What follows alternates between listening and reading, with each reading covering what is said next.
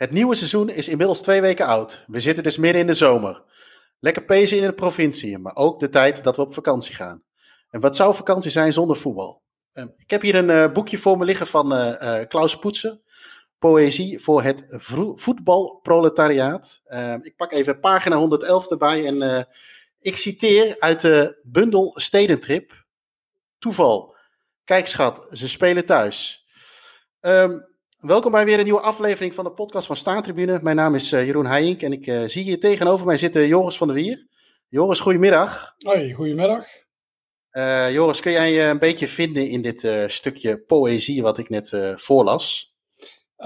ja, ja, ik kijk ook altijd op vakantie of er een wedstrijd is. Alleen, het is niet zo dat ik het, ja, zoals de Klauspoetsers moeten doen, dat ik het allemaal een beetje achter de rug om moet doen. Want ja, mijn vriendin die vindt voetbal ook wel leuk. Dus uh, we gaan er wel samen naartoe. Of als het echt obscuur is, ga ik alleen. Maar uh, ja, nee, het is ja, vaak als je toch ergens bent. Ja.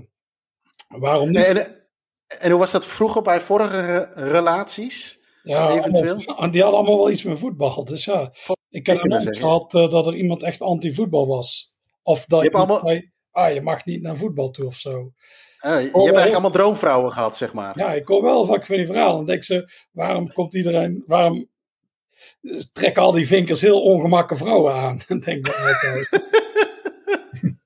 ja, nee, dan heb je dat goed voor elkaar. Nou ja, goed voor, uh, voor deze podcast hebben we uh, ook input gevraagd uh, van onze luisteraars. Ehm, we vroegen aan jullie om jullie tips, ervaringen of mooie anekdotes voor, ja, ja, zoals we dat mooi noemden, vakantie, vink tips en of anekdotes toe te sturen. En door middel van een, een audioberichtje, dat vertelt natuurlijk het makkelijkste dan dat wij jullie verhaal zouden moeten oplepelen. er is veel op gereageerd, ook inderdaad via reacties op Facebook, Instagram en, en Twitter. Uh, maar ons ging het natuurlijk even ook om die audioberichten. Uh, ook daar hebben we veel van. En die gaan we vandaag eventjes uh, in deze aflevering met, met jullie doornemen, naar luisteren.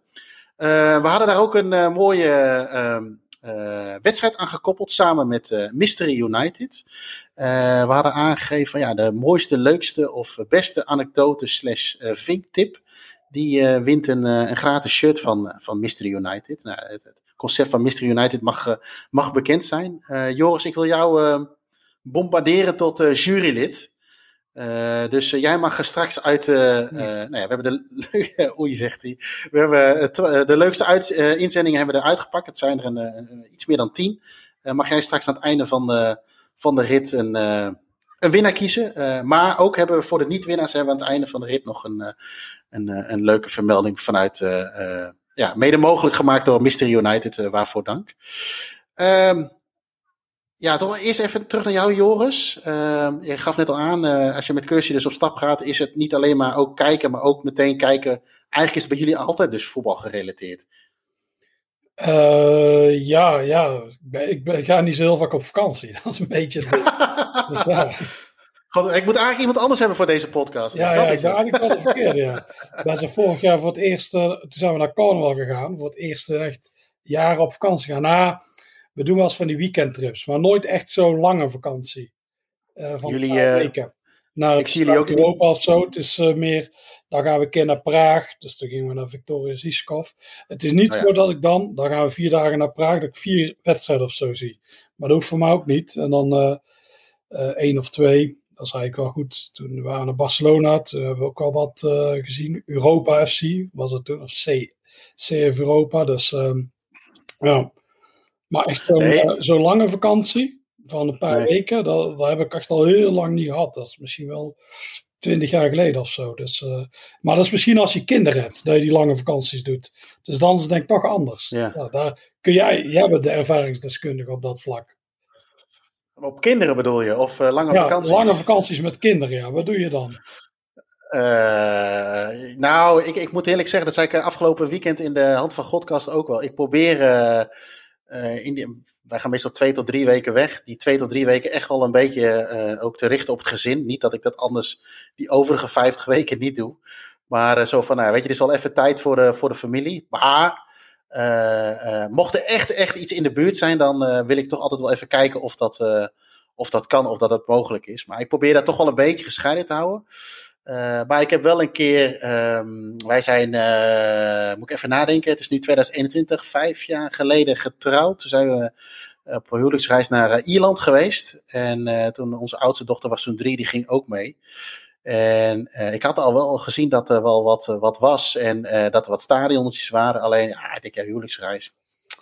Elf dagen, laten we dat maar een keertje niet doen. Ja. En, uh, maar toen gingen, moesten we van, vanaf de westkust gingen we terug naar Cork. En ik had in Cork wel gezien, nee, er zijn wel twee leuke stadionnetjes. Maar ik zei wel, nou, weet je, we rijden lekker naar huis, we zijn moe. Maar toen zag ik op een gegeven moment dat beide dames in slaap waren gevallen. Ik denk, ik pas toch even, even de navigatie aan. Ik wil toch eventjes uh, even, even, kijken.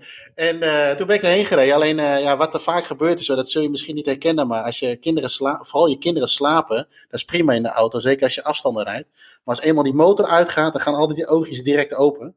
En dat was, er gingen nu vier ogen open. Toen kreeg ik wel even van de oudste in ieder geval even de wind van voren. Waar we nog niet op de eindbestemming waren. En waar we in godsnaam bij een stadion stonden. ik zei, ja, ik dacht, verdomme, jullie slapen toch. Dus ik kan even rustig uitstappen. Maar goed, dat, uh, nee, ja, ik, ik probeer dat wel een beetje gescheiden te houden. Uh, waar het niet is uh, natuurlijk, we gaan het vooral over tips hebben.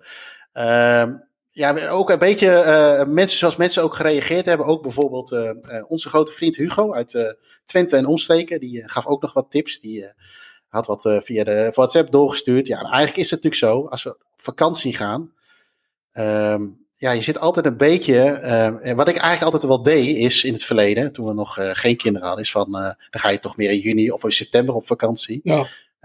keek ik eigenlijk in januari altijd al wel wanneer wordt de Champions League gespeeld, de voorrondes. Eén, om het bijvoorbeeld zelf niet te kunnen missen. Of twee, bijvoorbeeld dat je, uh, ja, volgens mij heb jij dat ook wel eens uh, gedaan, of misschien een optie gezien, is dat je bijvoorbeeld in Luxemburg een potje mee kunt pakken. Een voorronde van de Champions League of de Europa League of dat soort dingen. Dus dat zijn altijd wel dingen waar ik dan wel een beetje rekening mee hield. Maar ja, zodra kinderen naar school gaan, is dat gewoon einde oefening. Um, goed, ja, wat, ik, wat ik zei, we hebben wat audiofragmenten. Zullen we eens naar de eerste gaan, gaan luisteren? Ehm, yes. Dat is uh, uh, Michel Voortman. eens even kijken wat hij ons te vertellen heeft. Ik was met mijn vriendin op vakantie. We waren net samen en we gingen naar Florida. En altijd als ik op vakantie ben, dan wil ik of naar een voetbalwedstrijd of naar een stadion, uiteraard. Dus nou ja, ik van tevoren even uitgezocht waar een stadion was. Florida, Amerika, staat nou niet bekend om de voetbalstadions en de voetbalcultuur. Dus ik had me even goed ingelezen en daarbij kwam ik tot twee stadions waar ik wel heen zou willen. Eentje was uh, waar Miami FC op dat moment voetbalde, daar zijn we ook geweest. Nou ja, goed, dat was vooral een American Football Stadion, waar af en toe gevoetbald werd, dus dat was niet zo heel bijzonder. Maar ik wilde ook graag naar de Fort Lauderdale Strikers. Um, ik wist dat een, ik ben supporter van Go Eagles, ik wist dat de speler van ons, Kenny Thijssen, daar toen uh, destijds heen was gegaan, dus sindsdien kende ik het club. Prachtig logo, prachtig tenue. En wij kwamen uit de, de Keys, dat is helemaal Zuid-Florida. En we zouden naar Fort Lauderdale gaan. Dus ik zeg tegen mijn vriendin, kom schat, wij gaan naar Fort Lauderdale. Ik zet het in de TomTom en dat komt helemaal goed. Uiteraard had ik dat adres van tevoren van het stadionleven opgezocht en die in de TomTom gezet. Dus wij reden die kant op en we waren aan het rijden. En op een gegeven moment uh, zag ik wat bordjes, stadion. Ik zei, ach schat, moet je kijken, dat is mooi, een stadion. Weet je, zullen we daar anders eens even gaan kijken? Dus hij zei, nou, natuurlijk, uh, doe maar, dat vind jij leuk. Dus wij naar het stadion. En uh, nou, dat bleek één oude bende te zijn. Die club was al een jaar of vijf failliet. Dus uh, alles afgesloten met hekken en, en grote sloten erop. Nou, een paar rondjes gereden. Toen zag ik een, een, een hek. Wat een beetje opengebroken was waar je doorheen kon. Was helaas wel tegenover een politiebureau. Dus gauw die auto geparkeerd. Uh, mijn vriendin in de auto laten zitten. Ik door het hekje gegaan. En gauw foto's gemaakt. Even in het stadion geweest, rondje gelopen. Gezocht naar hopelijk nog wat ja, souvenirs of iets, maar niks gevonden. Gauw ook weer naar buiten gegaan, want ja, je zal zien dat die politie uh, naar buiten komt. Nou, mijn vriendin was sowieso niet blij, want ja, die liep daar in de eentje achter. Nou, als die betrapt werd, had ze sowieso een probleem. Um, maar ja, moraal van het verhaal. Uh, ik het stadion gezien, mijn vriendin wist er niks van. En toen ik haar dat later vertelde, uh, werd ze daar niet zo heel vrolijk van. Uh, van, nou, je weet toch ook een nare vent? ja, dit is voor ons nog steeds een mooie anekdote om te vertellen voor haar. Uh, aan haar vriendinnen van, nou, zo gek is die van voetbal en van stadions. En voor mij aan mijn vrienden van, hey, kijk eens hoe slim ik ben. En uh, ja, hoe mooi ik dat toch gedaan heb. En uh, ja, leuk verhaal wat mij betreft. Ja, dat was, was Michel Joris. iets wat me even te binnen schiet is voetbal in Amerika. Is dat iets wat jou trekt trouwens? Nee, nee, echt, dat staat echt onderaan de lijst. Ook als je die filmpjes ziet van die uh, supporters daar, echt verschrikkelijk. Ja. Dat, Jij wil dus niet uh, Seattle, dat oh, zoiets. of dat nee? Detroit City, we adore you. La la la la la la la la. Hey, la, maar, maar, la, verschrikkelijk. Nee, ik, vind, ik vind jou sowieso, denk ik, niet een echt een Amerika-ganger überhaupt. Nee, ik ben er nooit geweest. Ook qua land spreekt me dat niet zo aan. Nee. Ik zou ooit een keer naar het stadion, maar als ik ooit een sportevenement daar wil zien, dan is het uh, een honkbalwedstrijd bij de Boston Red Sox. Oh ja. Dat vind ik nog wel leuk, maar voor de rest, uh, maar nee, nee, het is niet zo mijn land. Dan ga ik liever naar Midden-Amerika of Zuid-Amerika. Het is, um, en als ik eerst naar Noord-Amerika ga, wordt Mexico. Dat vind ik nog wel een leuk voetballand. Ja. Daar spreekt ook wel land meer aan. Ja, ik heb weinig met de Verenigde Staten, eh, al helemaal. Dus ook niet met het voetbal. Maar jij bent, ben je daar wel eens naar een wedstrijd geweest? Jij er wel nee, en, ja, ik ben er wel eens geweest, maar geen, uh, geen voetbalwedstrijden. Wel echt de, de, Amerikaanse sport heb ik daar wel gezien. Uh, maar daar is inderdaad de, de uh, ja, hier kun je het woord fanbeleving wel op, op toetsen. Is, is natuurlijk wat anders. Uh, maar nee, voetbal niet. En uh, ja, nee, weet je, trek me niet zo. Maar ik denk wel, als ik, in de buurt, als ik uh, op vakantie zijn en in de buurt zou een wedstrijd zijn, dan zou je hem uiteraard wel, wel meepikken. Dus daar kunnen wij nog niet echt zelf tips over geven. Nee. we hebben nog wel een, ook nog weer een anekdote, een, een, of alweer, we hebben ook een anekdote gehad van, van Gerben, Gerben Pel. laten we daar maar eens eventjes naar gaan luisteren. Hallo, Gerben hier, Pelke11 op Twitter. in het kader van uh, hey schat, wat toevallig ze spelen thuis. Uh, moet ik zeggen dat ik gezegend ben met een vrouw die het sowieso wel leuk vindt om een wedstrijdje te bezoeken als we ergens op weekendtrip zijn. Zo zijn we samen al naar Inter geweest toen we een weekendje in Milaan waren. Uh, maar ook naar Porto toen we daar waren. Uh, maar het mooiste verhaal vind ik zelf is dat wij toen wij trouwden in 2010 besloten wij om een paar dagen eerst naar Madrid te gaan en later nog een paar dagen naar Barcelona. ik had al gezien dat er Europees voetbal werd gespeeld in die week. Real Madrid speelde thuis tegen AC Milan. Wat ik wel een mooi adviesje vond uh, destijds. Zeker omdat uh, toen ook nog bij Milan speelde. Uh, die natuurlijk ook heel geliefd was bij Real. Dus dat, dat was wel tof. Via een schimmige site aan kaartjes gekomen. Daar wel een nier voor moeten verkopen. Maar nou ja, toen maar. vervolgens helemaal boven in Bernabeu zitten. Om een trapleuning heen moeten kijken. Maar goed, erbij zijn is meemaken. Uh, volgende dag gingen we naar Barcelona. Na de wedstrijd van Real Madrid hadden we het er samen over van... Hey, morgen speelt Barcelona. Wel leuk om dan in een barretje in Barcelona misschien de wedstrijd te kijken. Uh, omdat ik toen nog dacht dat ze uitspeelden. Uh, dus toen ging ik even kijken van... Hey, tegen wie spelen ze nou eigenlijk? toen kwam ik erachter dat ze thuis speelden tegen Kopenhagen. en toen weet ik eigenlijk niet meer of het nou mijn voorstel was of van mijn, van mijn vrouw. Maar toen zeiden we van... Hey, we kunnen eigenlijk ook wel naar het stadion gaan morgen... en kijken of er nog kaartjes te krijgen zijn. Dus, uh, nou, zo gezegd, zo gedaan. Volgende dag naar Barcelona gegaan, naar het stadion. Um, ook daar op de zwarte markt weer uh, kaartjes weten te scoren. Uh, en dus s'avonds nog naar Barcelona, Kopenhagen geweest. Um, later diezelfde week, toen we inmiddels weer thuis waren, zijn we overigens datzelfde weekend, ook samen met mijn vrouw, ben ik voor het eerst naar Dortmund geweest. Dus dat was met het weekje wel. Jij, uh, Joris, uh, jij bent uh, ook wel eens met je vriendin een weekendje naar Barcelona geweest. Ja. wat moet je zien buiten Noukamp en het museum van Barcelona? Ja, gewoon alle clichés. Dat, dat strand, dat Barceloneta heet het geloof ik. Ja, de Ramblas. En dan moet je daar met te dure tapasbar gaan zitten. En ja, maar ik vind het op zich, het is natuurlijk een enorm gehate club in de vinkwereld. Maar uh, ja, ik vind het best, ja, nog best aardig om daar een keer naartoe te gaan en uh, het stadion ja. te bezoeken. Dus uh, ik vind het zelf niet zo erg zoals de meeste vinkers het vinden. Nee. Best zeker als je helemaal bovenin zit. Ik heb een keer helemaal beneden gezeten, waar toen nog die harde kern zat. En een keer helemaal bovenin, dan zie je de hele stad. Dus dat, ja, nee, dat vind ik nou best, best aardig daar. En, maar jij hebt, jij hebt toch ook nog een andere wedstrijd gezien, toch? Of niet? Ja, ja, ik heb Barcelona B gezien in de mini E-stadio. En uh, Europa, die, uh, eigenlijk de derde club van Barcelona. Ja. Een van de founder members van de Spaanse League. Oké, okay, en wat moet ik me bij Europa voorstellen dan? Uh... ja, dat is, dat is best leuk stadiontje. Ou, heel oud. En daar staan van die enorme flats naast.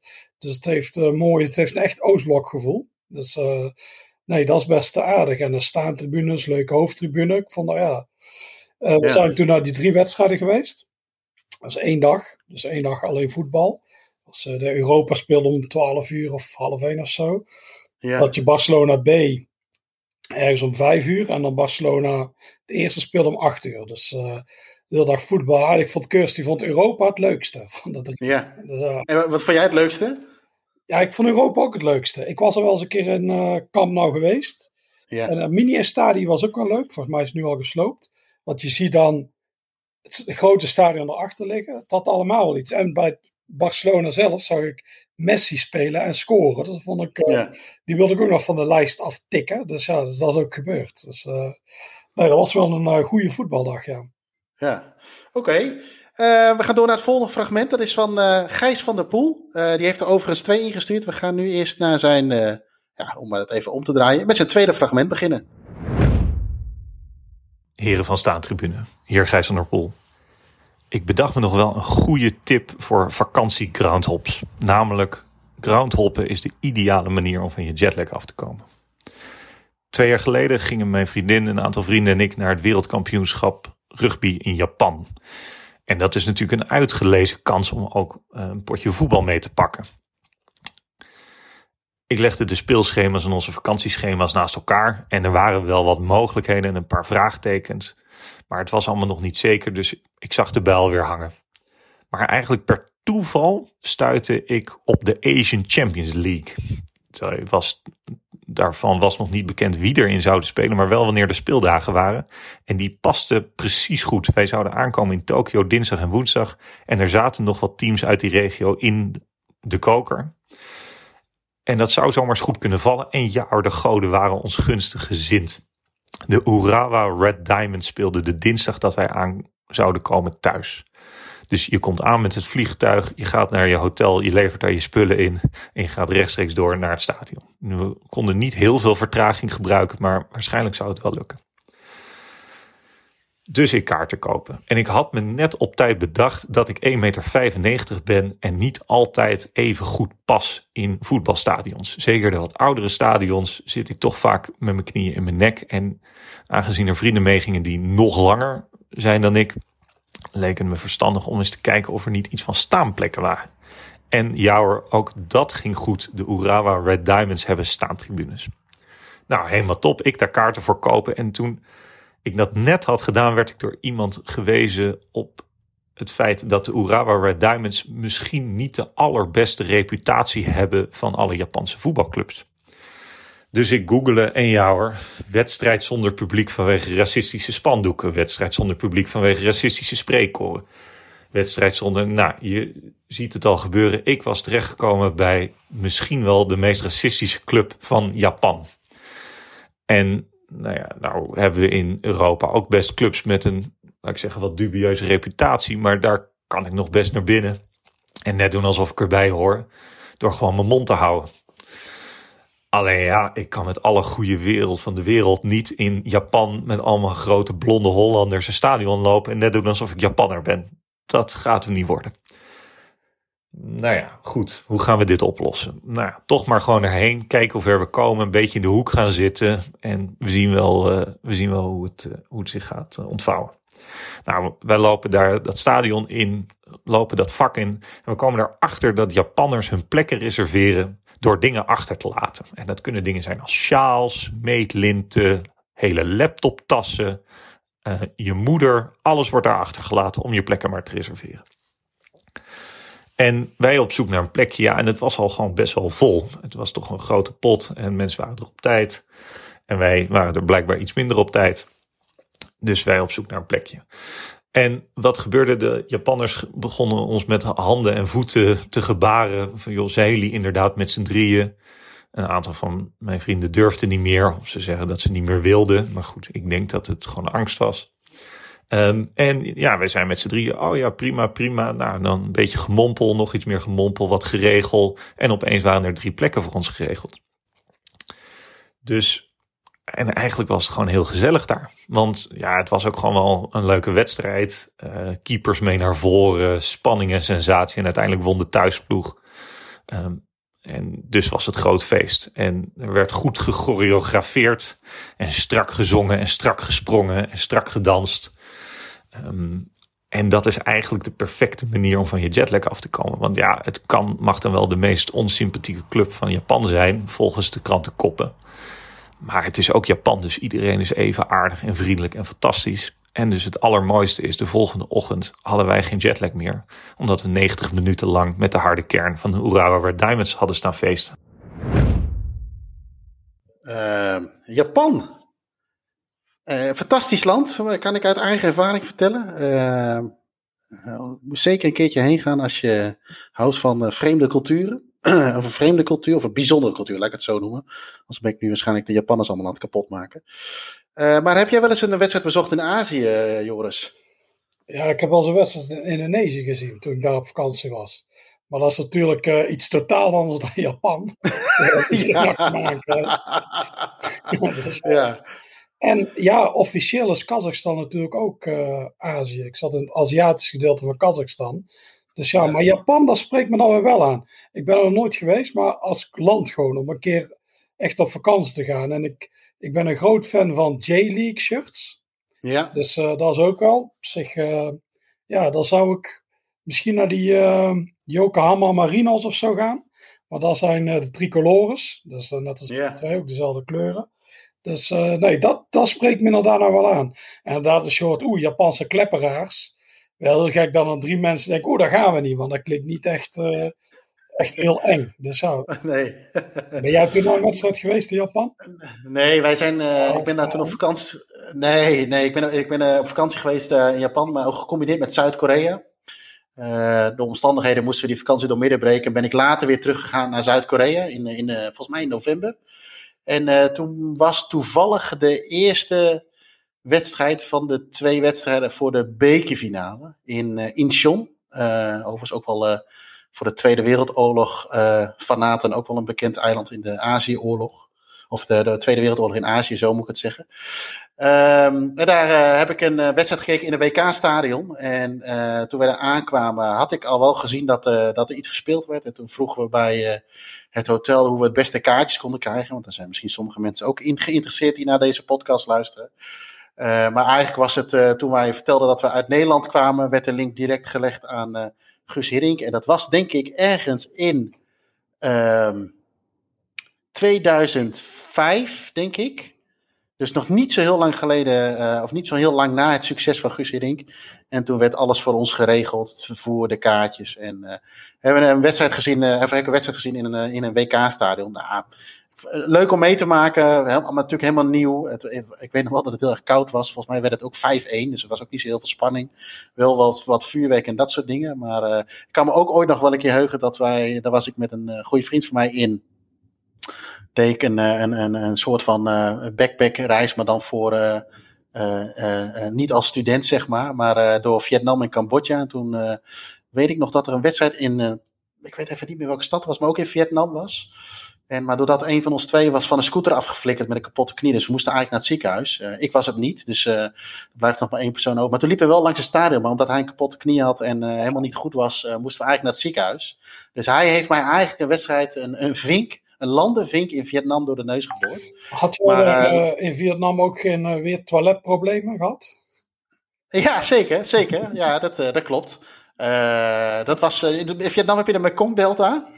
en uh, wij hebben een, een, een scootertje een dag gehuurd. Dat is echt, echt alle clichés met het huren van een scooter was ook waar.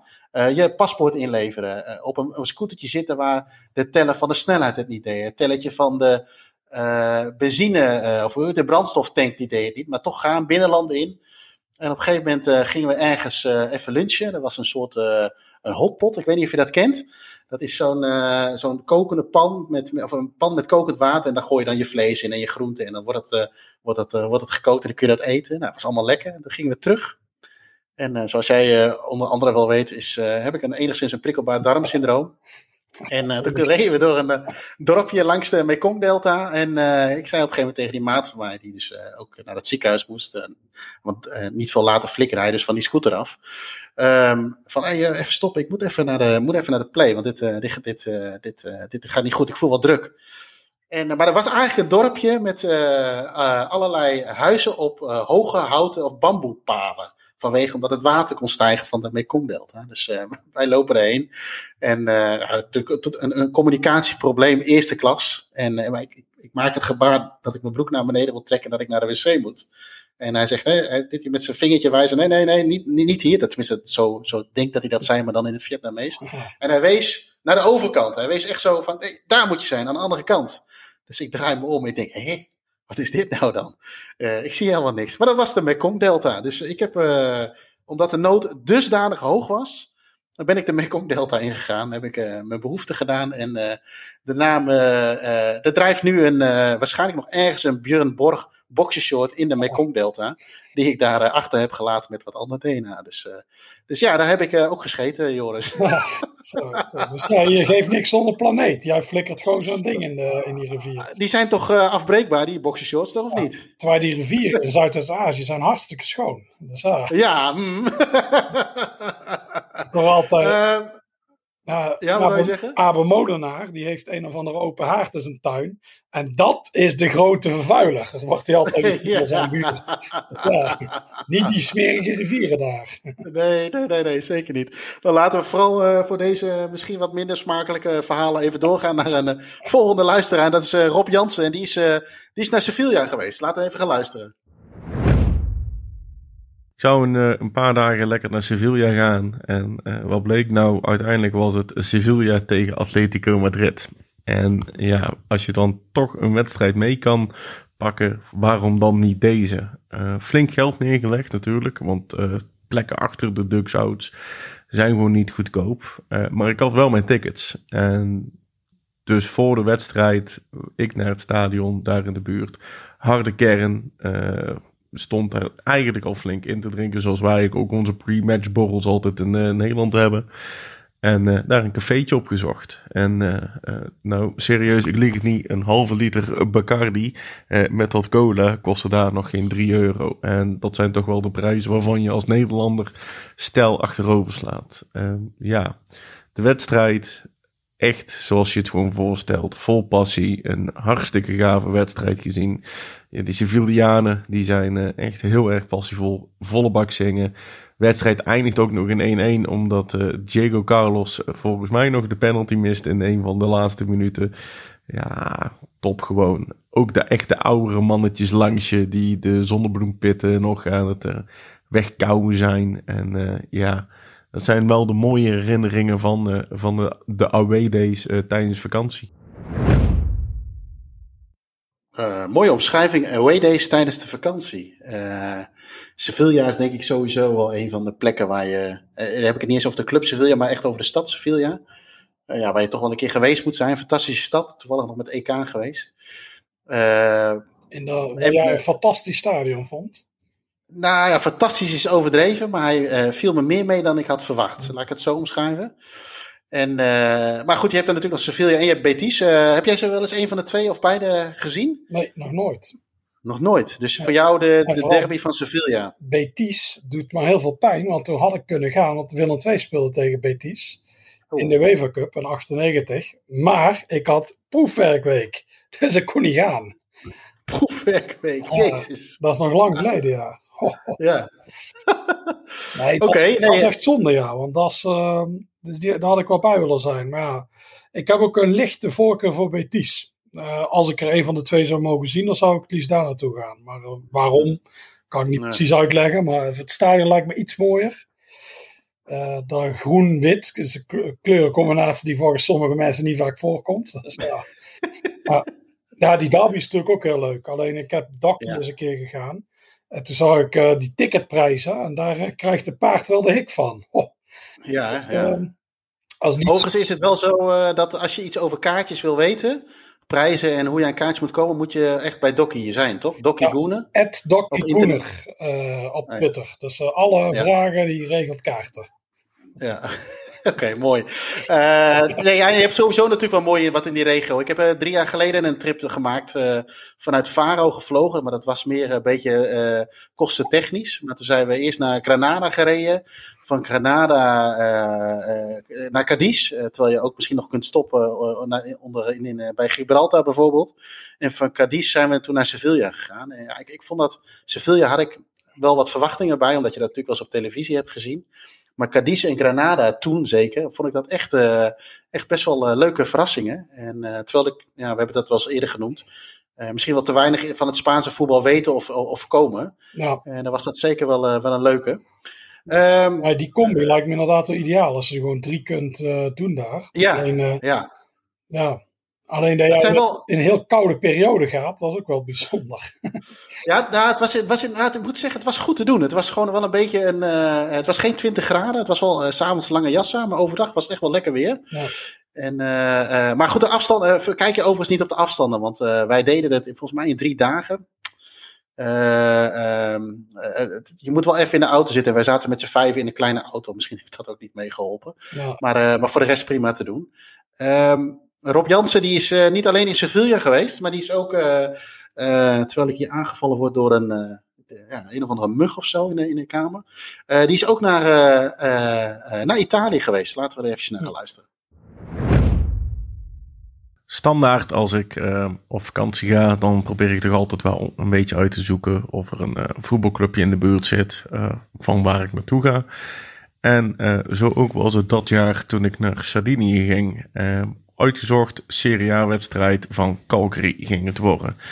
Calgary tegen Bologna om uh, ja, wel een beetje specifiek te zijn. En uh, nou, online kaarten hebben we gezorgd, kijken wat ik moest worden. En, uh, dus ik kwam op een gegeven moment kwam ik uit met Tribuna de Honora spreek geen Italiaans, dus uh, toch maar de kaarten gewoon besteld natuurlijk. En uh, uiteindelijk uh, kwam ik daaraan als een echte vakantieganger. Teenslippertjes, korte broek en een t-shirt. En ik ging naar die tribune toe. En de beveiliging die keek me al zo aan van, volgens mij hoor jij hier niet helemaal thuis. En toen ik eindelijk op de tribune was, wist ik eigenlijk ook wel waarom zij zo keken. Wat bleek nou? Tribune de Honora was de eretribune waar alle spelersmakelaars, presidenten en spelersvrouwen zaten. Kom ik aan in mijn korte broek, slippers en t-shirtje, langs alle strakke pakken en uh, popjes in uh, mooie jurkjes, wat dus de spelersvrouwen waren. Calgary wint uiteindelijk met uh, eh, 3-1 volgens mij van Bologna. topwedstrijd gezien. een heel mooi oud stadion erlangs. Langs het, het eigenlijk het nieuwe. Uh, wat wil dat de president daar nog steeds een zegen over moet geven dat het oude stadion uh, afgebroken moet worden. En ja, um, zo maak je toch wel weer wat dingen mee op vakantie. En ja, dat zijn toch wel de mooie herinneringen. Ja, dat was uh, Rob, Rob in, met zijn tweede, tweede anekdote. spelersvrouwen op de tribune tegenkomen, dat is altijd goed, toch Joris? Ja, ja, dat is wel bijzonder. We hebben het natuurlijk in Banfield gehad. Waar we ook ineens op die eretribune zaten. En dan zit je met uh, Dani Osvaldo. En toen zag je die spelersvrouw achter ons. Wat ik dat de spelersman was, die misthoorn.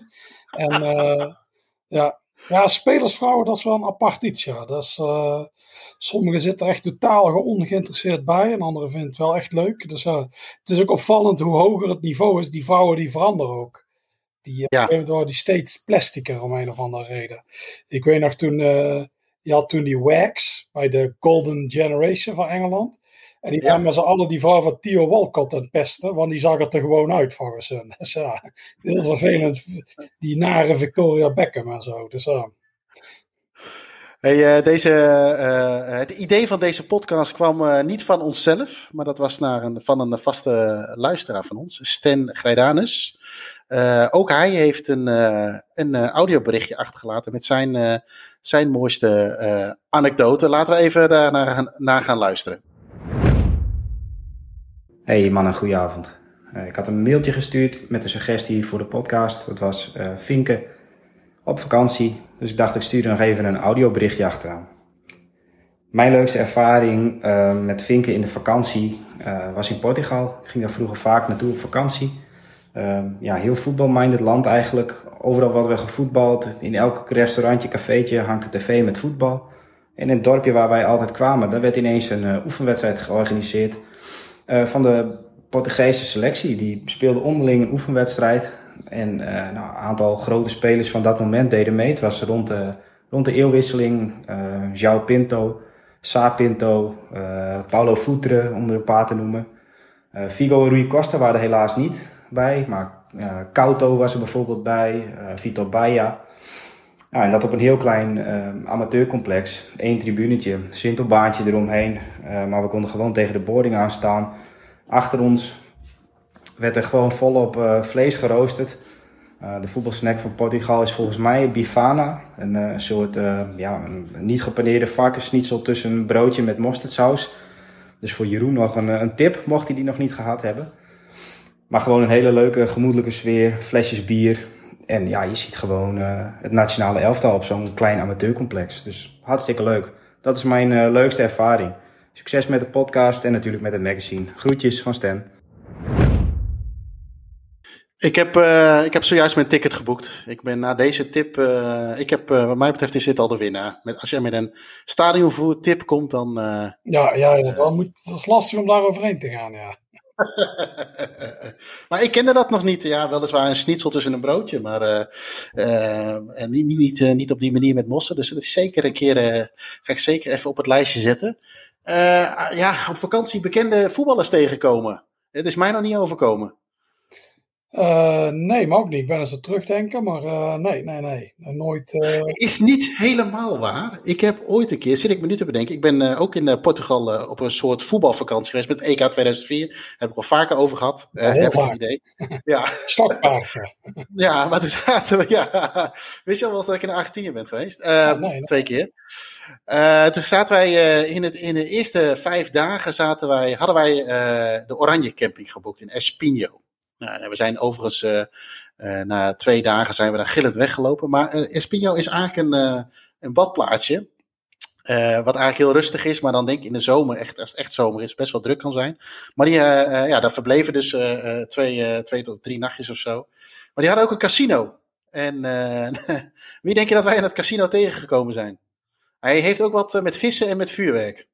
Ja, Theo Lucius ja, die zat, uh, ja, ja, die zat, uh, die zat uh, aan de roulette, of aan, aan, volgens mij aan de blackjack tafel zat hij. maar hij zat er niet in een houding bij dat ik dacht van hij is hier, hij is hier een hele goede avond aan het, aan het, aan het creëren voor hemzelf. En toen was hij klaar, we hebben een beetje praatje met hem gemaakt en zouden we eigenlijk met hem op stap gaan totdat een van ons zei van hey, maar is, jij gaat vanavond alles voor ons betalen. En toen draaide hij zich om en toen ging hij, toen ging die weg. Oh, was maar dat is eigenlijk ja, ja, inderdaad. En uh, dus dat is eigenlijk de enige voetballer, denk ik, die ik echt uh, op vakantie eens ben tegengekomen. Dus uh, nee, dat komt mij ook niet zo vaak voor. Um, ik noemde, we hadden net al eventjes Gijs van der Poel als, met, een, met een anekdote. En hij heeft er, wat ik al zei, twee opgestuurd. Laten we even naar zijn, zijn andere bericht gaan luisteren. Heren van Staatstribune, hier Gijs van der Poel. Ook ik wil je graag wat vinktips meegeven aan jullie luisteraars. En vooral over vinktips voor Zuid-Amerika. Ik was een aantal jaar geleden in Colombia om daar vakantie te vieren. En ik wilde heel graag ook een wedstrijd bezoeken van Atletico Nacional. Uit de stad Medellin. En wij zouden daar aankomen op, nou ja, uit mijn hoofd 3 mei. En de wedstrijd zou gespeeld worden volgens uh, Google op 3 mei om 3 uur s'nachts. En ik dacht, ja, dat is natuurlijk raar, maar ja, dat kwam natuurlijk Nederlandse tijd. Dus uh, dat is natuurlijk gewoon om 9 uur s'avonds. Nou allemaal geen enkel probleem. Alleen de fout die ik daarbij maakte is dat als een wedstrijd Nederlandse tijd 3 uur s'nachts op 3 mei wordt gespeeld, dan is dat in Colombia niet 3 mei 9 uur s'avonds, maar 2 mei 9 uur s'avonds. En als je daarachter komt om 3 mei s ochtends op het moment dat je medicine aankomt met de bus, kan ik je vertellen dat je echt een hele slechte dag hebt. Uh, nog geprobeerd het stadion in te komen voor een tour, maar het was echt hermetisch afgesloten. Je kwam er, er stond geen deur open, niks. Dus ik was hevig teleurgesteld als Copa America. Ik heb zelfs nog hulp gekregen van jullie collega Robert Breukers om, uh, om contact op te nemen met de lokale club. En ik had er echt heel veel zin in. Maar uh, nee, het mocht niet baten. Dus dat is wel een goede tip. Andere tip is, ja, dubbelcheck ook even goed waar er wordt gespeeld. Want mijn, nou ja, ik was natuurlijk na deze teleurstelling diep, diep bedroefd. Maar we gingen ook nog naar Santa Marta in het noordoosten van Colombia. En dus zijn mijn vriendin, nou, maar dan kunnen we daar vast wel een potje kijken. Plannen we dat een beetje handig. Dus nou ja, wij naar naartoe en daar speelt Union Magdalena. En Union Magdalena is een club, op zich geen hele grote club, uh, maar vooral beroemd vanwege Carlos Valderrama. Die man met misschien wel het allermooiste kapsel ooit. Uh, en, wij gingen naar, uh, naar dat stadion toe en met wij, ik was in het hostel wezen vragen van joh, hoe of wat. Nou, die vent had ook geen idee, was volgens mij een Amerikaan. ik kwam er nog twee Canadezen tegen, die wilden best mee. Dus wij daarheen. Ik had op de markt een lokaal nepshirtje gekocht van, van Union Magdalena. En wij liepen naar het stadion daar. Maar het was verbazingwekkend rustig en er werd wel erg veel verbouwd. Nou, op een gegeven moment kwamen we bij het stadion aan. Prachtig standbeeld van Carlos Valderrama. Maar geen mensen. Ik denk, god, het zal toch niet waar zijn. Heb ik weer de verkeerde datum. Nou nee, dat bleek in dit geval niet, niet het geval. Het was inderdaad de wedstrijd waarin Union Magdalena thuis zou spelen. Dus dat ging goed. Alleen het probleem was dat voor dat seizoen uh, de thuiswedstrijden verplaatst waren naar een stad op vijf uur rijden. Uh, omdat het stadion verbouwd werd voor de Zuid-Amerikaanse Spelen. Dus ook die wedstrijd heb ik, uh, heb ik niet kunnen zien. Waardoor ik tot op de dag van vandaag geen enkele wedstrijd ooit in Zuid-Amerika heb kunnen kijken. Dus mijn tip, mijn tips. kijk even goed naar de datum en besef je hoe tijdsverschil werkt. En dubbelcheck ook even waar de wedstrijden gespeeld worden. Dat je niet toevallig bij het verkeerde stadion staat. Dat laatste, dat, uh, dat herken ik wel. Ooit een tripje gemaakt naar Albanië. Overigens ook aan te raden. De derby van Tirana werd gespeeld en dat hebben we gekoppeld aan een bezoekje aan, aan de hoofdstad. En een autootje gehuurd om een beetje door het land heen te trekken in een, in een, in een heel lang weekend. waar je overigens meer ezels ziet dan auto's. Ook wel bijzonder om mee te maken. Maar een van de wedstrijden die we ook nog wilden bezoeken was. Ik heb het net even opgezocht, want ik wist het niet zo goed meer. Tomori Berat tegen Skumbini Peki. En we gingen naar de stad waar Tomori Berat thuis speelde. Een leuke, leuk stadje, lekker aan het water gezeten. En even gezocht hoe laat die wedstrijd begon. En een half uurtje voor de wedstrijd stappen we het terras af. En moesten we denk ik nog een, nou, een kwartiertje lopen. En we lopen een lange weg af. En we merken al eigenlijk dat het een beetje rustig is. En, of eigenlijk rustig, er was gewoon geen hond op straat. En we lopen steeds dichterbij en ik zie een, ja, iets wat lijkt op een stadion, maar met heel veel auto's aan de binnenkant. uiteindelijk was dat dus een, een stadion wat niet meer gebruikt werd. eigenlijk ook wel een beetje half gesloopt was. En aan de binnenkant was, as, was geasfalteerd en het was inmiddels een parkeergarage geworden. En we hadden dus op de, op de app niet goed gezien dat die wedstrijd in een ander stadion gespeeld werd. Of als stadion kun je in Albanië niet zo heel snel over spreken. Maar dat was een half uurtje verder in het Bashkim Soleimani stadion. Nou, dat was eigenlijk niet meer dan een amateurveldje met één tribune. Dus ik, ik kan de tip van Gijs kan ik zeker aanraden. Goed kijken naar tijdsverschillen. Maar ook zeker of die wedstrijd niet ergens verplaatst wordt. Ja, is. En dat kun je volgens mij alleen maar doen door al die apps te downloaden. En ook op de websites van de, van de ploegen te kijken. Ja. Uh, is jou dat wel eens overkomen, joh? Ja. Nee, gelukkig niet. Want ik kijk altijd op de site van de club zelf. Ook nog. Wat Soccerway, ik heb vaker gehoord dat mensen fouten maken met Soccerway. Daar kijken ze naar iets en dan, ah. En vooral uh, in Argentinië, want dat is gewoon een andere tijd dan. Dus uh, ja. dan schrijven ze die tijd op. Ik zat in een andere app toen met Argentinië. Daar zaten allemaal Schotten en Duitsers, Zweden en zo in. En die maakten een paar keer die fout. En ik dacht, hoe kun je nou continu die fout maken? je snapt toch wel, als het één keer verkeerd gaat, kijk op de clubsites. Dus ja. Ja, ja. gelukkig nooit meegemaakt. Wel een keer een wedstrijd, als de wedstrijd is afgelast of zo, vanwege vorst of zoiets, maar dan nooit meegemaakt van uh, dat ik bij het verkeerde stadion stond. Eigenlijk moet ik dat wel een keer doen. Want dat is uh, net zoals, ja, wat dan de verhalen gaan, ik weet niet of ze dan waar zijn, dat is die Liverpool fans die bij Heidebloem Lille stonden en niet bij het Lille in Frankrijk. Maar ja. ik heb me daar wel zo mijn, vra mijn vraagtekens bij. Of die daadwerkelijk fout hebben gedaan. Maar ja. ja, nou, nou is het zo. PSV heeft ook een keer tegen Lille gespeeld. En daar waren er ook een paar die uh, uh, de verkeerde afslag hadden genomen. Alleen die hadden het op tijd nog wel een beetje kunnen corrigeren. Maar ze had je toch ook een keer zo'n bus met Belgen of zo. Die uiteindelijk in Wils terecht kwam. Of, waar, waar staat het verhaal ook weer van? Ja, ja, zoiets heb je ook. Je, je hebt veel van die verhalen. En Elf Freund heeft er ook een keer een gedaan. Dat was uh, zogenaamd, ging een supporter van Vaduz van Liechtenstein naar Frankfurt. Uh, het was uit oh, ja. Frankfurt Vaduz. En toen gingen naar Frankfurt Oder. Dus dan ligt daar die Poolse grens. Ja. Dat werd ook overal gedeeld, maar daarmee wilde elf vrienden laten zien van dat dingen niet worden gecontroleerd. Het werd expres gedaan. Hij ging expres naar Frankfurt Oder. Uh, wat hij wist wel dat het bij die anderen was, maar dan wilde ze laten zien hoe snel zo'n verhaal dan uh, de ronde gaat. Ja, uh, ja, ja, oké. Okay. Het, is ook on... Ik denk eerder dat je doet, stel als PSV speel je tegen Heidebloem Liel, dat je dan bij Olympique Lille staat. Dat is logisch. Die gaat dan nou, als je een Europese wedstrijd hebt tegen Olympique Lille, wie gaat nou naar Heidebloem Liel? Zeker als je een uitwedstrijd regelt, dan, dan zoek je toch iets op. Je moet iets zoeken qua kaarten en zo. Ja, dus uh, het lijkt me heel onwaarschijnlijk. Maar kan, maar ja. Het zijn wel uh, de bijzondere verhalen. Wie ook uh, veel bijzondere verhalen heeft. En die heeft dat ook mooi gebundeld tot een boekje. Dat is de Groundtopper des Vaderlands. Uh, Hans Douw. En die heeft ook een mooie anekdote ingestuurd over de vakantie. Mijn vakantieanekdote bestaat uit drie delen. Maar ze draaien allemaal om hetzelfde besmette thema. Spanje-Malta 12-1. Deel 1 gaat over de vakantie die niet doorging. Samen met een vriend besloot ik het EK van 1984 in Frankrijk te bezoeken. Oranje zou daaraan deelnemen. Althans, dat was vrijwel zeker. Spanje zou namelijk nooit met 11 doelpunten verschil van Malta winnen. Op 11 december 1983 vond dat duel plaats. Afijn, we kennen allemaal de uitkomst. Spanje won na een 3-1 ruststand onder uiterst verdachte omstandigheden met 12-1, waarbij het verlossende twaalfde doelpunt slechts een paar minuten voor het einde werd gescoord. Het stonk aan alle kanten. Aan deze wedstrijd is inmiddels in meerdere talen een Wikipedia-pagina gewijd. Dat zegt genoeg. Afijn, mijn vriend en ik gingen niet naar het EK. Deel 2 gaat over een vakantie naar Malta. In december van het jaar 2000 ging ik met mijn vrouw en mijn toen nog piepjonge kinderen naar het eiland in de Middellandse Zee.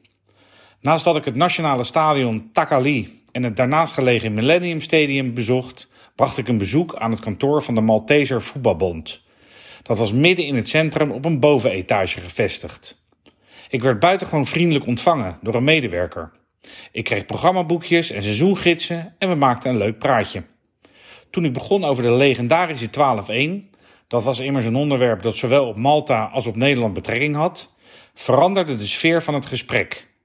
De medewerker gaf niet toe dat Malta was omgekocht, maar hij ontkende het ook niet. En soms is het uitblijven van een ontkenning krachtiger dan het uitspreken van een harde bekentenis. In formele zin had ik niks in handen, maar mijn onderbuik wist genoeg. Die wedstrijd was verkocht. Deel 3 speelt zich af in juli 2014. Samen met mijn gezin maakte ik tijdens een vakantie in Andalusië een fietstour door Sevilla die onderbroken werd door een rondleiding in het stadion van Betis. In de catacombe stond de gids stil bij een monument ter herinnering aan een van de meest historische wedstrijden die ooit in dit stadion gespeeld was. Spanje-Malta op 21 december 1983. Mijn adem stokte en ik werd misselijk. Dat ze de omkoping op het EK waren beland was tot daaraan toe, maar ook nog een monument. Het is inmiddels juli 2021. Ik wens iedereen een fantastische en coronaloze vakantie toe. Ook de mensen die naar Spanje of Malta toe gaan. Ja, toch weer de Spanjaarden, hè? Ja, ja ik ben uh, toen voor pot 6 naar Malta gegaan. En ik heb met uh, twee spelers gesproken die die wedstrijd, die bij de selectie zaten, laat ik het zo zeggen. Ja. En die uh, kon ik anoniem citeren. En uh, ja, die wedstrijd was omgekocht. ja, dat. Ja. dat uh... Het is eigenlijk alleen niemand wil het hardop uitspreken. Het is, nee. Of niemand wil geciteerd zijn, maar ja, het was wel. ja, dat is wel duidelijk. Het werd ook eigenlijk de terugwerkende kracht. Ja, gewoon dat we met 11 doelpunten verschil moesten verliezen en zo. Ja, ja, het is ook stom. Dus dat het niet allemaal tegelijk werd gespeeld. Het is, nee. Dat is voor mij natuurlijk het... veranderd. Ja. ja. Klopt, wat ik net zeggen. Sindsdien hebben ze dat gedaan, geloof ik. Hey, uh, van uh, Spanje en Malta even naar uh, jouw contraien toe. we hebben een mooie anekdote van Jaap de Kleine bij Jovel Town. Laten we er eventjes even naar gaan luisteren. In de zomer van 2003 ben ik met mijn vrouw op vakantie in Engeland. We hebben in Devon, het zuidwesten, een cottage gehuurd. Op weg er naartoe maken we een uitstapje naar Jovel Town. Het is in de voorbereiding op het nieuwe seizoen en er is volle bedrijvigheid in het stadion. We lopen zo naar binnen en even later worden we zelfs toegelaten in de kleine kleedkamer van de net naar de Football League gepromoveerde club. Bij het verlaten van het stadion worden we aangesproken door een bestuurslid of een directielid. We maken even een praatje en opeens vraagt hij of ik in Nederland een fanclub wil oprichten. Vriendelijk bedank ik voor die eer. We nemen afscheid en vervolgen enigszins lachend onze reis. Maar elke keer als ik sindsdien iets van Jovel Town lees of hoor, verluistert een stemmetje in mijn achterhoofd. Wat als ik ja had gezegd en wel chairman van de Dutch Clovers was geworden? Jovel Town. Uh, ja, ik, ik, ken het alleen van de Championship Manager eigenlijk. Uh, wat, wat, wat, is dat voor club, uh, Joris? Ja, dat was vroeger een beetje de stuntclub. Die speelde altijd in de non-league. En ehm, volgens mij in 49 hebben ze een keer Sunderland verslagen. Dat is een van de grootste FA bekerstunts ooit. Maar uh, er verloren meer clubs. Het was een heel de oude stadion had een heel aflopend veld. Dus het was uh, altijd thuisvoordeel, enorm thuisvoordeel voor Jovil. Die natuurlijk wisten van die omstandigheden. Maar het was uiteindelijk, ik geloof 2003, eindelijk naar de league gepromoveerd. Dus uh, stabiele club daar. Nou, dat gingen ze steeds hoger. En op een gegeven moment kwamen ze in de championship terecht. Dat is eigenlijk veel te hoog, want het is echt een kleine club. Een heel afgelegen stad ook. En, uh, maar dat is eigenlijk een ondergang geweest. Want daarna degradeerden ze, degradeerden ze, degradeerden ze. En nu zitten ze weer in een non-league. Dus uh, het is uh, ja, een beetje een liftclub gebleken. Ja, oké. En een andere soort van anklofiel die ik gesproken heb afgelopen week is, is Glenn Duizer. Die met zijn toenmalige vriendin op vakantie ging naar Schotland, Ierland en, en Engeland. die heeft een een mooi verhaal. Laten we daar eventjes uh, even naar gaan luisteren. Hey Glenn, goedemorgen. Goedemorgen. Alles goed? Ja, ja, ja. Hey, voordat we even beginnen, zou jij jezelf eens uh, kort willen introduceren aan de luisteraars? Nou, ik ben Glenn Duizer. Ik uh, ben sinds mijn twaalfde supporter van ADO Daag.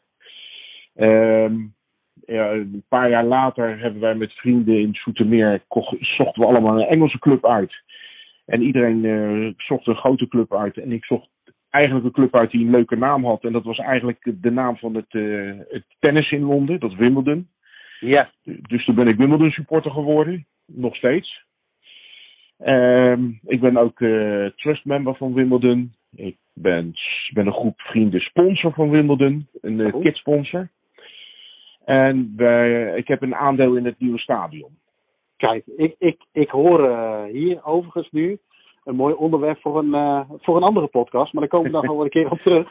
Ja. Uh, de, deze podcast die staat eigenlijk in het teken van kijk schat, we spelen thuis. Hè? Oftewel, we zijn op zoek naar mooie voetbalvinktips op een vakantie. Of, of ook mooie anekdotes. En ja, ik werd getipt door vaste luisteraar Fred. Ook wel beter bekend als Doki Gooner op Twitter.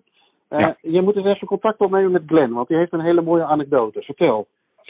Ja, ik ben in uh, 1994 met een uh, toenmalige vriendin hadden we besloten dat we op vakantie zouden gaan met de auto naar Engeland en Schotland. En de achtergrond was voor mij om wat voetbalwedstrijden te bezoeken. En mijn toenmalige vriendin Ilona, die was daar niet helemaal van op de hoogte. Vlak voordat we weggingen werd, was de loting van de Europa Cup 2 en dat was Sligo Rovers tegen Club Brugge. Ja. Toen, dacht, toen heb ik nog voorgesteld, misschien is het leuk om er ook een paar dagen Ierland aan vast te plakken. Nou, dat vond ze ook leuk. Dus we zijn uh, een paar dagen naar Ierland gegaan. En niks mooiers in Ierland dan is de, aan de kust van de Atlantische Oceaan. En daar ligt toevallig een dorpje, dat heet Sligo. Ja. En, we, en we rijden dat dorpje binnen. En uh, ik zeg, nou dat is godverdomme toevallig. We spelen tegen Club Brugge vanavond.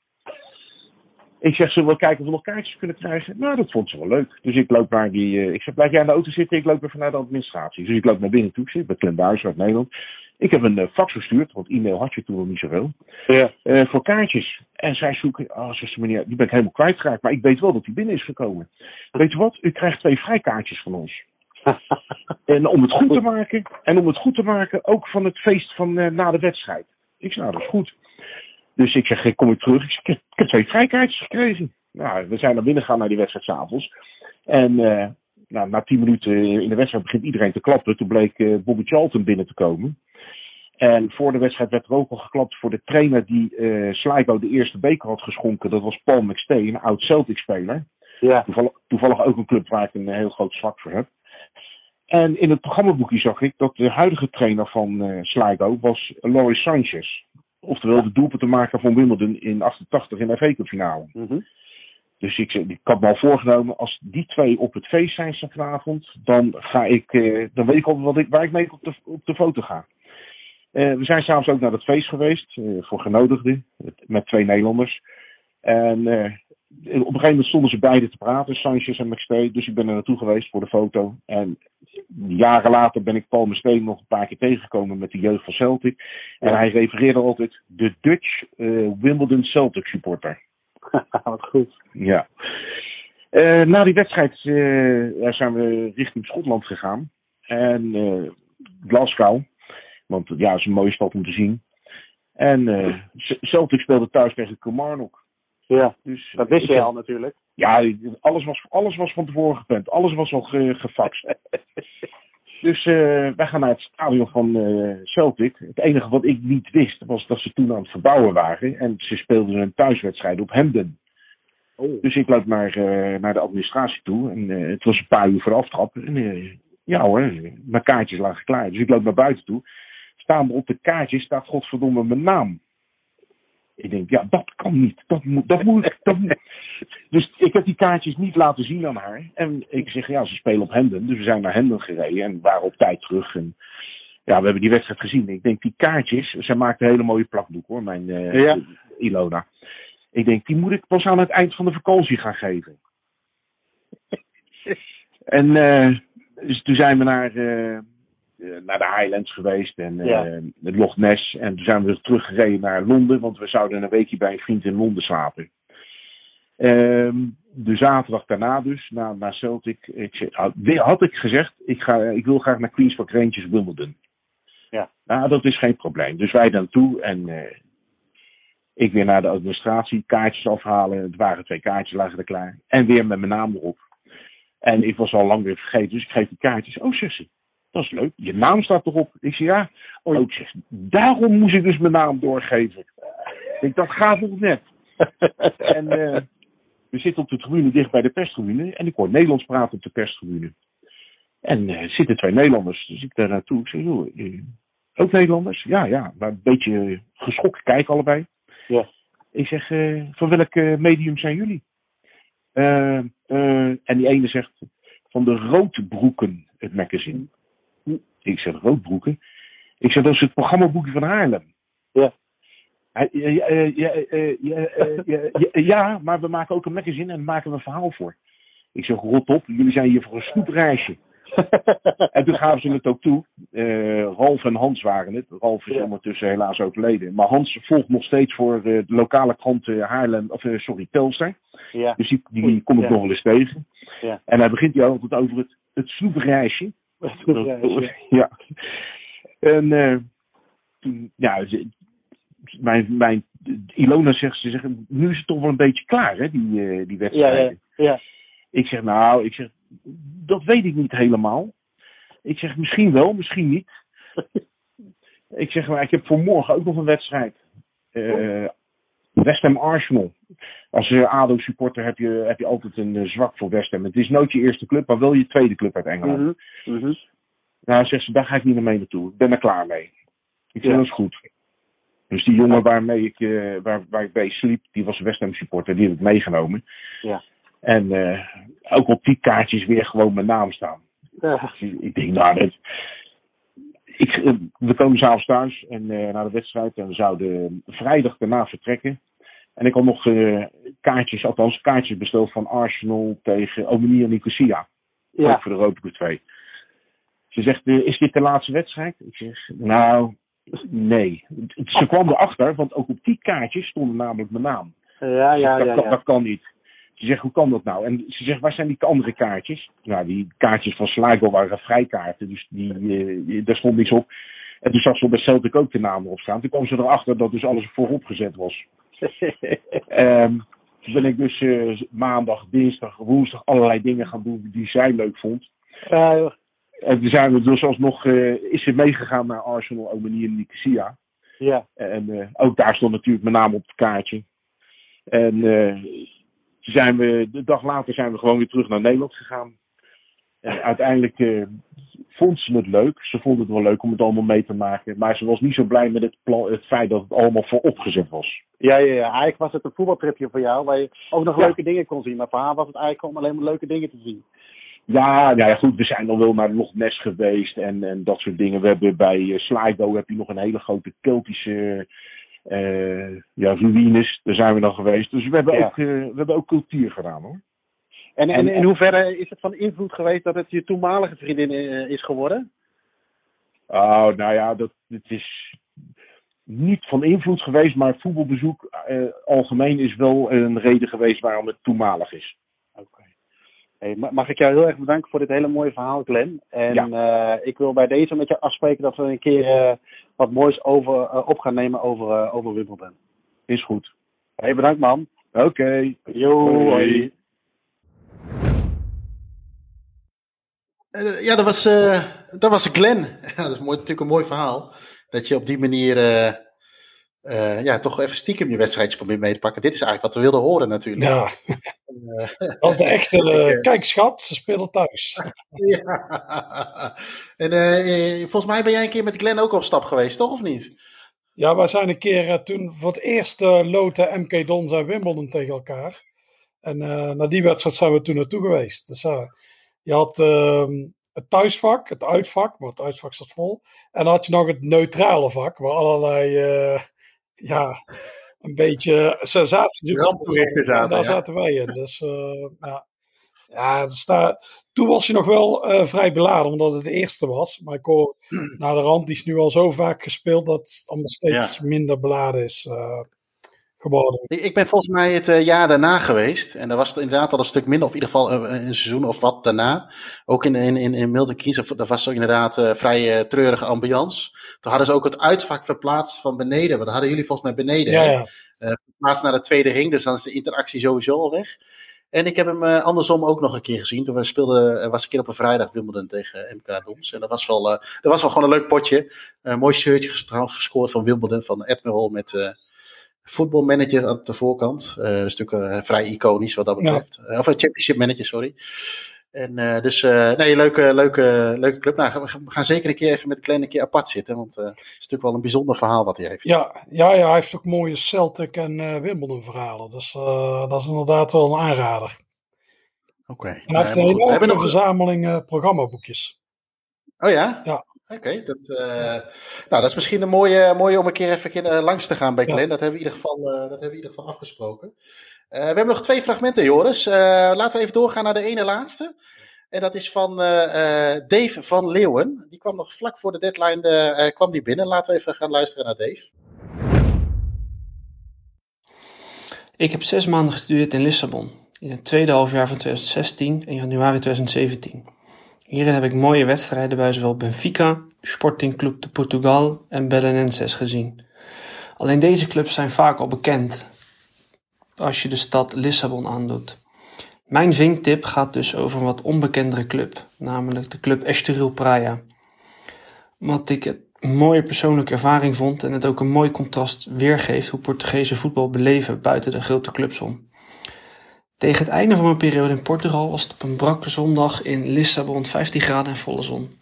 Te mooi weer om in bed uit te gaan kateren als student. En hiermee konden we natuurlijk ook mooie thuisfront even jaloers maken met het mooie weer. Een snelle check in de Footballogy app leverde mij de wedstrijd Estoril Praia tegen Maritimo op.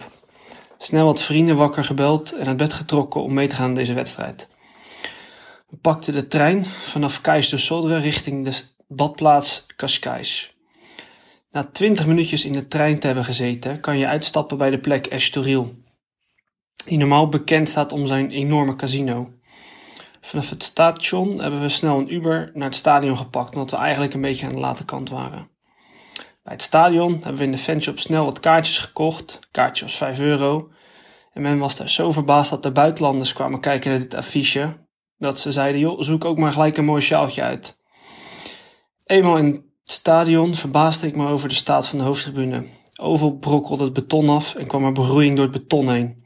Een prachtig oud stadion dus. De wedstrijd werd door een kleine, fanatieke harde kern erg fanatiek beleefd, waardoor er zeker ook sfeer was in het stadion, ondanks dat eigenlijk alleen maar de hoofdtribune was geopend. De andere mensen op de hoofdtribune waren eigenlijk voornamelijk bezig met eten en bier drinken. De tip voor deze vink is niet om in het stadion te gaan zitten, of desnoods alleen de eerste helft in het stadion te kijken als je ook het stadion van binnen wilt zien, wat ik wel een aanrader vind. Maar veel mensen zaten niet in het stadion, maar die zaten op de heuvel naast het stadion. Daardoor was het stadion ook zo leeg. Dit komt omdat het stadion in een heuvel ligt of is gebouwd. De hoofdtribune staat achter bomen, waardoor je eigenlijk uh, in de middag altijd schaduw op de hoofdtribune hebt. In de zomermaanden is dat natuurlijk fijn. In de wintermaanden zou je het liefst in die, in die volle zon willen gaan zitten. De heuvel waar de mensen op stonden lag aan de overkant van de hoofdtribune, dus in de zon. Voor de tweede helft is het dus aan te raden om eerst om het stadion uit te gaan, langs de supermarkt Pingo Dutje te lopen, wat bier te halen en bovenop de heuvel in de zon te gaan staan om de wedstrijd te volgen. Hier heb je ook een enorm uitzicht. Samenvattend zou ik zeggen, pak in Lissabon een grote club mee en daarna ook een wat kleinere club uit de omgeving, want die spelen vaak ook nooit tegelijk. Het contrast tussen deze beide clubculturen is erg mooi. Wedstrijden kijken op een heuvel, uh, Joris. Daar heb jij ook ervaring ja, mee. Ja, ja, in Luxemburg kun je dat ook goed doen. hey, maar uh, Lissabon is, uh, ja, is, vind ik ook wel zo'n aanrader. Ook een mooie stad, maar ook genoeg te vinden uh, qua voetbalcultuur. Ja, ja, die is inderdaad, daar, daar hoor je inderdaad zo vaak positieve verhalen over. Ik moet me een beetje over die antipathie tegen Portugezen heen zetten. maar ik denk, als, Heb je dat? als jij Portugal zegt, denk ik aan die hondenkop van Manisha en zo. En dan oh, daar word ik Ja, ja, ja. niet goed van. Dus, ja. Maar het is inderdaad, zeker buiten die, eh, al die nieuwbouw die ze toen in eh, 2004 hebben neergezet. Er zijn inderdaad heel veel oude, interessante stadions. Dus, ja. En er is een club met een heel gekke naam, Penafil. daar heb ik ook een beetje mijn vraagtekens bij. Wie noemt zijn club nou zo? ja. Ja, ja, ja, ja. ja. Penarol. Ja. Ja, zoiets. Nee, maar dat, dat klopt, dat is, dat is, zeker, eh, dat is zeker waar. Hey, eh, en eh, nou, inderdaad, ik herken wel wat je zegt over die Portugezen, maar het is eigenlijk best wel een, eh, zeker Lissabon, maar ook heel Portugal zelf kun je prima eh, genoeg eh, voetbalcultuur vinden. Ik ben er wel, in Portugal geweest, maar ik vond het. Het zijn niet echt feestneuzen, laat ik het zo zeggen. Het was één grote depressieve. Oh ja? Ja, dat vond ik heel opvallend. Dat ik dacht, zo, je hebt de zon, dan denk ik, ja, die is allemaal vrolijk. Maar was, nee, helemaal niet zo vrolijk daar. Oh, oké. oké. ja, Ja, als je de Fado als nationale hebt, daar word ik niet zo vrolijk van. Maar nee, Eh, maar dan laten we dit bewaren voor de meest gehate eh, voetballer of land, deel 2. Hè, die krijgen we nog. Ja. Ehm, laten we even naar onze laatste inzending gaan. Dat is eh, van vaste luisteraar Gosling, Gosling eh Gruttes. Ehm, die heeft ons ook, eh, ook wat moois toegestuurd. Laten we even naar gaan luisteren. Goedenavond, eh, mannen van Staantribune. Eh Gosling hier. Ik heb eens vaker eh, wat ingestuurd tijdens de podcast. Eh, ik heb op zich wel een verhaaltje eh, v- over eh, tips in de vakantie. Eh, vroeger, nou, een aantal jaren terug was dat nog, ging ik met mijn ouders eh, op vakantie naar Kroatië, naar Istrië. En we zaten daar op een camping op met een staarcaravan eh aan de kust ergens. eh, en op een gegeven moment eh, kreeg ik te horen dat Bologna eh, een vriendschappelijke wedstrijd zou spelen tegen de plaatselijke NK Novigrad. Op zijn Italiaans Citanova, want ze spreken daar ook Italiaans. En Bologna zou dus eh, blijkbaar in het hotel zitten, echt een paar honderd meter van, eh, van de camping vandaan. Dus ik ben daar toen als jongen van, ik denk 13, naartoe gelopen. Ja, dat is 13 jaar, dat is 10 jaar geleden. En eh, daar zat dan de hele selectie van Bologna eh, ja, een beetje rustig aan te doen. Uh, ik heb boven nog ergens alle handtekeningen van die jongens staan. Ook nog van Diamanti, die oud-international is van Italië. Uiteraard ben ik ook naar de wedstrijd geweest tegen Novigrad. Dat, ik heb even gekeken op het derde niveau speelt van Kroatië. Die speelde nog een paar honderd meter, misschien een kilometer verder vanaf het hotel van Bologna. Ook aan de kust. Tribune had uitzicht op de zee, op de Adriatische Zee. En uh, ja, als ik zo foto's terugkijk, was het een uh, best leuk stadiontje. Dus mocht je in Novigrad zijn, in het noorden van Kroatië, in het noorden van Istrië. Uh, nou, loop gewoon langs de kust op en je ziet het vanzelf. Uh, je kunt uh, vanaf de hek langs de kust kun je zo uh, het stadionnetje binnenkijken. Zeker een leuke tip. En ook wel leuk om die spelers ineens in een hotel te zien. ja, Istrië, daar moet ik trouwens ook nog even aan een. ja, daar ben ik ook eens op vakantie geweest. Dan heb je volgens mij heb je daar een. Uh, uh, nou, die moet ik anders zeggen. Wij reden een keer. Je had het in het begin over van uh, vakantie met kinderen. Wij gingen een keer in. ik denk dat het 2014 was. Met de, met de oudste, die was er nog geen jaar. ook naar Kroatië toe. En wat boodschappen gedaan. Rijden terug naar de, naar de camping. Mijn vrouw zat toen achterin omdat die kleine niet rustig was. En die zegt ineens: hey, Jeroen, heb je die lichtmast niet gezien? Links. En terwijl ze het woord links uh, uitsprak, uh, merkte ik aan haar, eigen teleurstelling over zichzelf dat ze überhaupt zei van waarom heb ik hem daarop geattendeerd. dus het uh, stuur werd meteen naar, naar links gegooid om te kijken. En dat was volgens mij NK Istria of zo. En we zaten toen vlakbij Pula of zo heette dat geloof ik. Dus daar zou het ergens in de buurt geweest zijn. En ook nog een keer in de buurt van Zadar, ook nog NK Zadar gezien. Die was hermetisch gesloten. Daar kwam ik ook helemaal niet in. Ik nog even gevraagd. Het zat ook helemaal dicht. Zadar degradeerde dat jaar. Dat was dus uh, eigenlijk volkomen terecht. Ja, en uh, Sibenik, dat is, dat is een heel leuk plaatsje in, in, uh, in, in Kroatië. En daar reed ik een keer echt serieus met toeval met de auto naartoe, naar het stadion. Het stadion was open. Maar dat kwam er bij de vrouw niet in. Ja, ja, dat wist je al lang. Ik zei, nee, serieus niet. Ik zei, we waren verkeerd gereden. Ik zei, ja, ik, ik, dacht dat we hierin moesten. en ineens was het stadion van NK Sibenik was daar. Dus, hey, maar we hebben nu uh, even, ja, we hebben nu toch een aantal inzendingen gehad. Uh, nogmaals, dank aan onze luisteraars. we kunnen niet alle tips nog behandelen die we ook via de kanalen hebben gekregen, via de sociale kanalen. Want dan zijn we nog een uur bezig. Maar ook daarvoor dank. ik zou zeggen, kijk even onder de posts, tweets en berichten op de Facebook, uh, Instagram en Twitter. Of voor de tips van anderen. Misschien dat we er nog een keer een deel 2 kunnen maken volgend seizoen. Maar de belangrijkste vraag is we hebben, wat we zeiden, we hebben een... Uh, en we mogen iets weggeven. Een, een shirt van Mystery United. een mystery shirt, zeg maar. maar de opdracht was duidelijk. Jij, jij was de jury, Joris. wie heeft het mooiste anekdote, tip verteld van de mensen die wat ingestuurd hebben? Ja, ik weet uh, de naam niet meer, maar uh, het ging iets over uh, geroosterde schnitzel met mosterd. Ja. ja. dus dat lijkt me wel de winnaar. dat is een mooie stadionvoertip voor jou. Dus, Oké, okay, nou jongens, dat is een, denk ik een uitstekende keus. Dat is Sten. Nou ja, misschien klinkt het een beetje als doorgestoken kaart. Dat is het zeker niet, maar ook de, de bedenker van deze podcast. Oh, wat een toeval. ja, zie het maar als een uh, mooie beloning. Uh, Sten, gefeliciteerd. Uh, wij gaan ervoor zorgen dat een, dat een shirt zo snel mogelijk naar jou toe komt.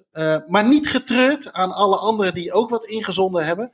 En ook onze luisteraars, uiteraard. zo zijn wij dan. Hè. We zijn een beetje in de Oprah Winfrey sfeer.